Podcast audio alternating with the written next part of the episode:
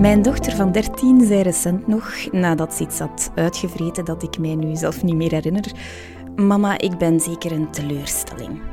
Ik heb meteen geantwoord: Jij bent alles behalve een teleurstelling, jij bent een uitdaging. En dan hebben we elkaar aangekeken en is goed gelachen. Maar ik meen het ook. Tieners zijn een vat vol potentieel. Het is aan ons als ouder om het beste uit onze hormoonbommen te halen. Om de ogenschijnlijk misschien slechte, teleurstellende eigenschappen van onze kids te relativeren en te focussen op hun ongelooflijke capaciteiten. Ik ben Evelien, mama van twee jonge tieners, en ik ga graag samen met jullie op zoek naar antwoorden. Want als we die tieners van ons wat beter begrijpen, al was het maar 70% van de tijd, want wij zijn ook maar mensen, gaat ons leven en dat van onze tiener vast een pak vlotter. En al mijn vragen die vuur ik af op Ankie. Ankie de Frang is klinisch psychologe en heeft zich verdiept in tienerkwesties. Ankie, help! Dit is Ouders komen van Mars. Hallo Ankie. Hey Evelien. Uh, ja, we gaan het vandaag dus hebben over tieners, pubers. Maar om eens echt van, van nul te beginnen. Wanneer begint dan nu eigenlijk die puberteit? Wel, de puberteit die begint eigenlijk best vroeg. Um, maar er is misschien wel belangrijk om te weten, er is een verschil tussen de puberteit en de adolescentie. Wat dat wij, want heel vaak wordt er over um, tieners of adolescenten gesproken als pubers, maar de puberteit is een heel afgebakende periode. Hè. Adolescentie is eigenlijk heel de periode van volwassen worden, zowel lichamelijk als emotioneel, sociaal, cognitief. En dat is best een lange periode. Dat is ook een stukje cultureel bepaald hoe lang die periode is. En bij ons is dat ongeveer ja, vanaf het begin van de puberteit. De puberteit is het begin van de adolescentie. Dat is echt puur dat lichamelijke stukje. Um, en de puberteit, um, dat zijn die lichamelijke en hormonale veranderingen. En dat is ongeveer tussen de, ja, de 9 en de 16 jaar. Dat begint bij meisjes doorgaans wat vroeger dan bij jongens. 9, tussen de 9 en de 12 jaar gemiddeld. Is het begin van de puberteit. Tot 16 jaar. Maar de adolescentie, dus heel dat proces van volwassenwording, um, loopt zeker in onze uh, westerse maatschappij heel lang door. Um, eigenlijk eh, tot een jaar of 25. Uh, totdat ze echt op eigen benen gaan staan. En dat is echt heel ja, verschillend. Um, van cultuur tot cultuur. Er zijn bepaalde culturen waar dat je uh, als, als, uh, als jongen uh, een nacht in, in de bush moet doorbrengen. En dan, of, of een paar nachten. Hè, en dan, voilà, als je terugkomt, dan zijn de volwassen. Hè, en dan hoor je ook bij de volwassen groep van de samenleving. Maar bij ons is dat best wel een heel lang proces. Uh, er is niet zo'n ene rite of passage of zo. Um, nu, die 25 jaar, dat valt ook een stukje samen met wanneer dat de hersenen um, min of meer um, gevormd zijn. Nu, hersenen, ja, misschien belangrijk ook wel om mee te geven, die blijven... Dat gaat over die hersenstructuren die dan min of meer af zijn. Want je hersenen blijven wel verder ontwikkelen. Je kunt nog blijven bijleren en nieuwe dingen Toch? blijven leren. Ja, gelukkig. Hè? Uh. Anders moesten mensen nu ook niet naar de podcast luisteren, natuurlijk. Nee, absoluut. Dus eigenlijk kunnen we zeggen dat de, de, eerste 25 jaar van het ouderschap het moeilijkste is. Um, ja, ja. Ja, en daarna hebben ze natuurlijk wat minder nodig. In theorie. Um, en ja, dat is een heel andere fase. Hè. Dan, zijn, ja, dan zo, dat echt zorgende, dat is dan dat is minder nodig. Maar dan komen er weer andere, andere uitdagingen, denk ik. Absoluut. Ja, die puberteit, je, je, zei het zelf al, je hebt, uh, je hebt een hele evolutie van de, de hersenen. Maar eigenlijk, ja, er zijn zowel heel zichtbare dingen die veranderen en dan die onzichtbare. Kan je daar iets meer over vertellen? Ja, de zichtbare die zijn inderdaad heel duidelijk. Dat is een stukje die geslachtsrijping. Maar ja, fysiek um, veranderen die lichamen ook heel erg. Jongens worden veel sterker, atletischer. Um, meisjes worden vaak wat, wat breder, wat voller. Um, wat dan soms ook wel voor uh, lastige momenten zorgt. Hè, want dat wisselende lichaam, veranderende lichaam, veranderende zelfbeeld, dat vraagt wel wat aanpassing. Uh, maar daar gaan we het nog over hebben. maar dus ook hè, in de, de hersenen, die moeten nog uh, ja, groeien En er moeten nog heel veel structuren verder afgemaakt worden. Hè. Ehm, dat is impulscontrole. Um, planning en lange termijn denken, omgaan met emoties. Um, en dat is eigenlijk vooral dat stukje in de prefrontale cortex, dat staat in voor al die dingen. Plannen organiseren, lange termijn denken, rekening houden met anderen, emoties reguleren, impulsen uh, controleren of impulsen beheersen. Dat is allemaal in die prefrontale cortex. En dat moet dus nog verder ontwikkelen. Hè. Dus als je dan even stilstaat bij... Wat verwachten we eigenlijk dikwijls al wel van adolescenten? Hè? Heel veel zelfregelen, plannen... Um... Ja, en ook als ze dan zoiets... Uh, mispeuteren of, of ze nemen een beslissing die achteraf gezien niet de beste beslissing leek, dan kunnen we zo heel teleurgesteld zijn van maar alleen, kun jij nu niet nadenken? En, eh, maar ja, dat is het stukje die impulscontrole die er nog niet is. En daarnaast um, is de adolescentie ook een periode waarin dat de hersenen heel um, beloningsgevoelig zijn. En ze gaan ook heel veel... Um, ja, grenzen aftasten. Um, sinds, uh, uh, moet ik zeggen? Dus grenzen aftasten, maar ook waar risico's opzoeken, zo spanningssensatie.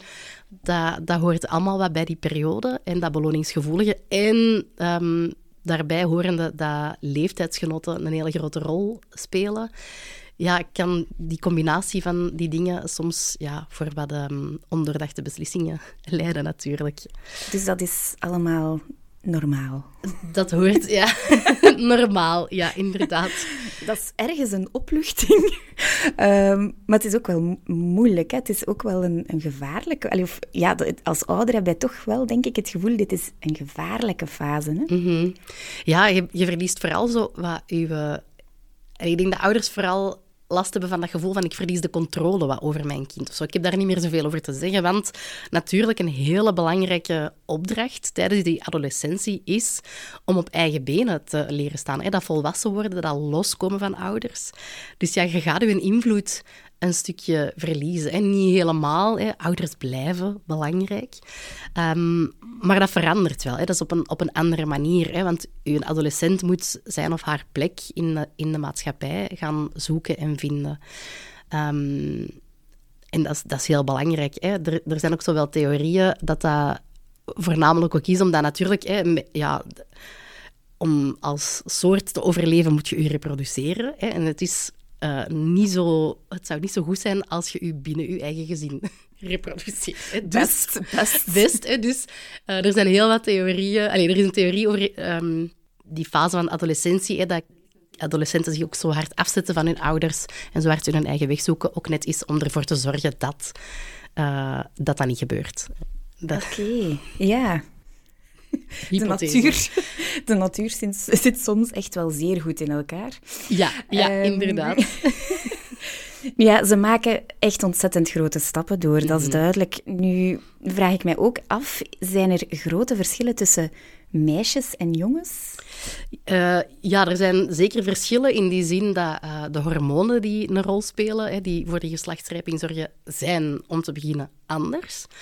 Um, en dat had ik ook al gezegd, bij meisjes, bij meisjes begint de puberteit uh, doorgaans toch een jaar, anderhalf jaar eerder um, dan bij jongens. En wat we ook zien is dat bij meisjes die, die fysieke groei, hè, want ze moeten allemaal groeien, um, bij meisjes verloopt die eh, groei wat meer geleidelijk en bij jongens is dat echt meer met zo groeispurten, dus wat meer met echt sprongetjes. Um, we zien ook dat de hersenen van jongens gemiddeld iets groter zijn dan die van meisjes, maar meisjes die prefrontale cortex is al iets sneller ontwikkeld. Misschien ook omdat ze natuurlijk sneller eh, in de puberteit, komen. Maar dat maakt dat meisjes doorgaans, allee, dat is gemiddeld genomen, hè, elk kind is anders, maar doorgaans in vergelijking met jongens wel wat beter kunnen reflecteren over zichzelf en beter met emoties om kunnen, of daarover kunnen praten um, dan jongens. Nu, ook dat stukje is een stukje cultureel ook bepaald. Hè, hoe, hoe gaan wij om met onze jongens en hoe gaan wij om met onze meisjes. En er wordt... Um, ja, voor, bij jongens zit dat er zo nog niet ingebakken van hey, praten over gevoelens. Hè. Er, je hebt niet voor niks de termen, hè, verman u. Um. Juist. ja, dat, is, dat is heel jammer natuurlijk, want ja, jongens hebben ook gewoon gevoelens. En eigenlijk wil ik daar ook over praten, maar dat wordt zo bekeken als iets heel vrouwelijks en al heel vroeg. Eigenlijk al van in de kleutertijd, wanneer dat kinderen zich met, het, uh, ja, met mensen van hetzelfde geslacht gaan identificeren, gaan ze zich afzetten tegen alles wat niet uh, bij hun geslacht of gender hoort. Hè. Um, dus ook wel misschien een oproep om heel bewust om te gaan met de ja, met ja, die verschillen. Hè. Er zijn super interessante onderzoeken over hoe dat we met, met baby's, hè, jongens en meisjesbaby's, anders omgaan. En ja, dat heeft onvermijdelijk een impact. Hè. Um, ik weet niet of dat zinvol is om daarop in te gaan. Maar... Ja, ik, heb, ik heb zelf twee meisjes, mm dus ik, ja, ik kan mij het verschil zo moeilijk voorstellen. Maar ik vind wel ook, ik merk wel bij mezelf, je bent gewoon ongeruster. Mm en, en de meisjes zelf ook, heb ik de mm. indruk. Dus dat gaat over bang zijn om op straat alleen rond te lopen. Ja. Ja, we zijn...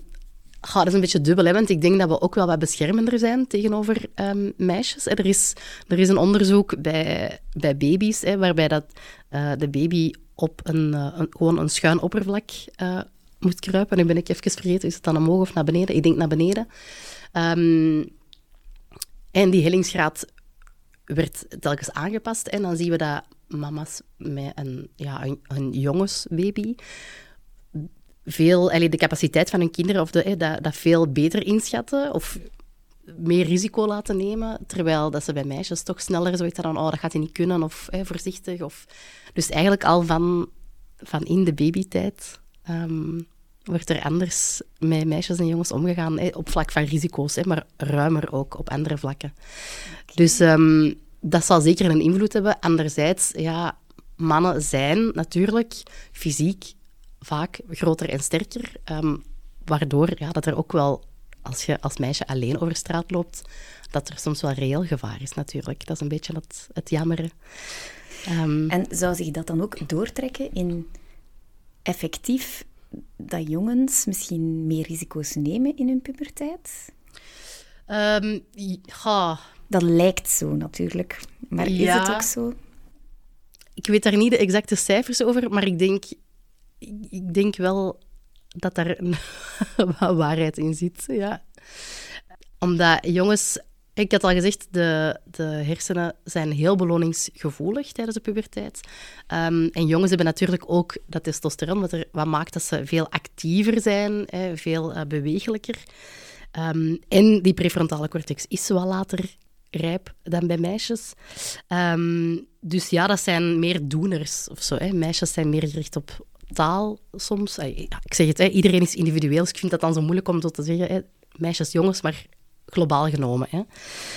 Um, dus ja, jongens zijn een stuk energieker. Um, willen ook ja, vanuit zo wat de cultuur. Um, er is soms wel zo een macho-cultuur van hey, meedoen met de groep en niet onderdoen voor elkaar. En met dat beloningsgevoelige dat grenzen opzoeken.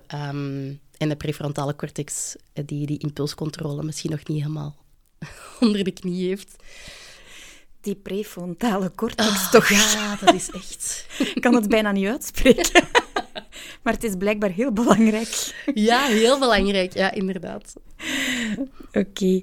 Ja, wat dat wel enorm opvalt, en ik, ik merk het bij mezelf, maar ik denk dat dat voor heel veel ouders zo is, we zijn echt gewoon bang van die puberteit. Hè? Mhm. We zijn ja, bang voor, voor wat er allemaal zou kunnen gebeuren. Dat is normaal, vermoed ik. Ja, het, het is enerzijds een fase van, met grote veranderingen. Ja, je hebt dan zo misschien net je, je lagere schoolkind onder de knie, dat je denkt, oké, nu zitten we in een goede flow en weet ik wat, welke aanpak dat werkt. En dan ineens ja, begint die puberteit en dan weet je ineens weer al niet waaraan of waaraf. Hè. Ze zeggen zo wel eens, een, als, um, als ouderschap een GPS zou zijn, dan zou die de hele tijd zeggen... Um, route herberekenen. Keer of keer om. If possible, make a U-turn. Um, dat, blijft, dat blijft echt zoeken, maar het nadeel met die puberteit is, en die adolescentie is dat ze heel erg van u moeten loskomen natuurlijk. Dus je moet als ouder ook heel erg loslaten. En dat is niet evident, want ja, ze kunnen nog niet alles. Hè? En, en ze nemen soms ook wel beslissingen waarvan dat je denkt: oh, waarom doe je dat nu? Ehm, zeker onder invloed van, van leeftijdsgenoten. Ehm, nu, er is ook wel onderzoek waarin dat blijkt dat als, als uh, moeders meekijken, hè, dat ze wel betere beslissingen kunnen nemen. Dus hè, onze invloed is zeker niet, niet ineens weg. Um, dat is al goed nieuws. Dat is goed nieuws, hè? Maar ja, het is, je verliest je, je grip op je kind een stukje. En je kind is zelf ook heel zoekende. Dus dat zorgt voor heel veel wisselende emoties. Wat ook als ouder heel moeilijk is om te zien. En niet altijd even makkelijk is om mee om te gaan. Um, en de, de puberteit kondigt ook wel zo het, het einde aan van een, een bepaalde vorm van je ouderschap. Hè? Want ja, het einde van de adolescentie is wel de bedoeling dat ze op hun eigen benen staan en, en uitvliegen. En dan daarna, ja, ga je als, als moeder en als vader een andere invulling moeten zoeken en vinden van je ouderschap. Dus ik denk dat dat zeker naar het einde van de adolescentie ook wel een stukje meespeelt. Ja, absoluut. Het is wel dubbel, vind ik. Want langs de ene kant kan je ze wel veel loslaten, want ze kunnen wel dingen. Maar langs de andere kant hebben ze jou dan op heel andere vlakken nodig, mhm. die soms nog vermoeiender zijn. Ik voel mij soms echt een, eh, een soort van mental coach uh, elke avond, waarbij dat ik dan echt ook nog eens met, ja, op mijn tenen moet rondlopen, want alles wat je zegt kan tegen u gebruikt worden. Hè? Dat is zo'n mhm. beetje... Het is niet zo eenvoudig. Nee, het is een, het is een hele een gevoelige periode eigenlijk, waarin dat ze... Ja, ik zeg het, zichzelf heel erg aan het, aan het zoeken en aan het ontdekken zijn. En die emoties nemen heel erg de overhand, maar daar gaan we het ook nog over hebben. Ehm, en, en dat is geen makkelijk terrein. Dat klopt, ja. Heb jij nu het gevoel, want uh, misschien om toch nog een paar clichés te tackelen, zijn tieners in deze tijden nu echt erger dan vroeger? Hè? Want dat wordt wel eens gezegd, de hangjongeren en uh, oh, waar gaat het naartoe met heel dat digitale tijdperk en uh, drugs en weet ik wat allemaal. Ja, ik, ik denk dat de adolescenten van nu zijn in C niet per se anders, maar er zijn wel heel... De maatschappij is heel anders. En er zijn heel andere omstandigheden en verleidingen en meer keuzemogelijkheden ook. Dat geeft ook meer stress. Um, er zijn soms ook meer verwachtingen. Uh, en zeker ja, zo die nieuwe technologie, sociale media en, en al die dingen. Wij zijn daar, dat is heel recent, wij zijn daar als volwassenen ook nog heel zoekende in vaak. Van hoe kunnen we daar op een goede manier mee omgaan? Um, dus het is niet zo gek dat adolescenten daar ook nog heel zoekende in zijn ik denk niet dat, dat ze erger zijn. Ik denk dat dat iets is van alle tijden. Hè. Er, in, in veel boeken worden, worden wel zo quotes van vroeger aangehaald, echt van, allez, waarin dat ook... Keizer. Ja, dat ook wordt omschreven van, ah ja, oh, de, de adolescenten van nu, oh, wat is dat allemaal? Um, dus ik, ik denk in C niet. Ik denk dat wel de veranderende omgeving of maatschappij maakt dat het um, soms nog moeilijker wordt of dat ze soms wel andere of, of grotere risico's kunnen nemen. Ja, inderdaad. Nog een, een ander cliché dat ik eventjes toch wil voorleggen. Er is me altijd gezegd geweest, ik had dus een heel stevige uh, peuterpuber.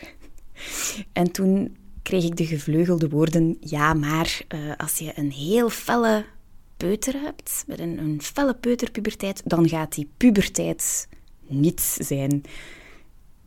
En? Ja. Wel, mijn ondervinding is dat het toch dik tegenvalt, maar uh, zit daar iets van waarheid in? Bij mij niet, maar wie weet, bij anderen. Ik, ik, denk niet dat je daar een leiding kunt trekken. Ik denk heel veel hangt sowieso af van hoe dat je in, in het verleden um, ja, door moeilijke fases zij, zij geraakt. Um, wat uw, stijl van opvoeden is, hoe dat er over gevoelens uh, wordt gesproken, um, ja, hoe dat er wordt gecommuniceerd binnen uw gezin.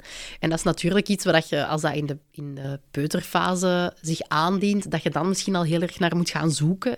En dat, kan dan helpen voor jezelf als ouder om daar wel een houvast in te vinden. Maar ja, een peuter en de puber, die gaan wel zo door wat gelijkaardige fases. Hè, grenzen aftasten en zichzelf ontdekken. Maar ja, die hebben wel andere dingen nodig natuurlijk. Hè. Een, een, een puber gaat echt veel meer moeten loslaten en hun eigen ding moeten laten doen. Terwijl bij de peuter ook belangrijk is dat die autonomie kunnen ervaren. Maar daar gaat je wel zelf nog veel meer de grenzen moeten, moeten afbakenen en uitzetten. Um, dus het kan misschien helpen in die zin dat je dan al een, een heel een moeilijke fase doorsparteld of doorworsteld hebt. Um, maar uh, voor, voor het kind in kwestie maakt dat niet zo'n verschil, denk ik. Jammer, jammer. Jammer, ja. Oké. Okay. Um, ehm, dus ja, Anki, als ik jou zo hoor, dan ja, denk ik dat we nog heel veel um, in de komende afleveringen nog heel veel dingen kunnen verder uitdiepen. Mhm. Ik heb al uh, genoteerd dat die prefrontale cortex uh, een heel grote rol speelt, waarover later misschien nog wel meer. En ja, dat het eigenlijk gewoon de eerste 25 jaar van het ouderschap zijn die uh, de nodige uitdagingen met zich meebrengen. Dus uh, daarover nog meer. Volgende aflevering hebben we het dan heel specifiek eens over die emoties. Uh, want dat is toch wel een heel belangrijk aspect van het tienerpuberschap. Dus graag tot de volgende. Wij deden het meteen goed. En daarom is er naast deze podcast ook meteen een boek, Ouders komen van Mars, het boek dat je moet lezen om je tiener te begrijpen. Beschikbaar vanaf eind april 2023 in zowat alle boekhandels online en offline. Een aanrader, al zeggen we het zelf.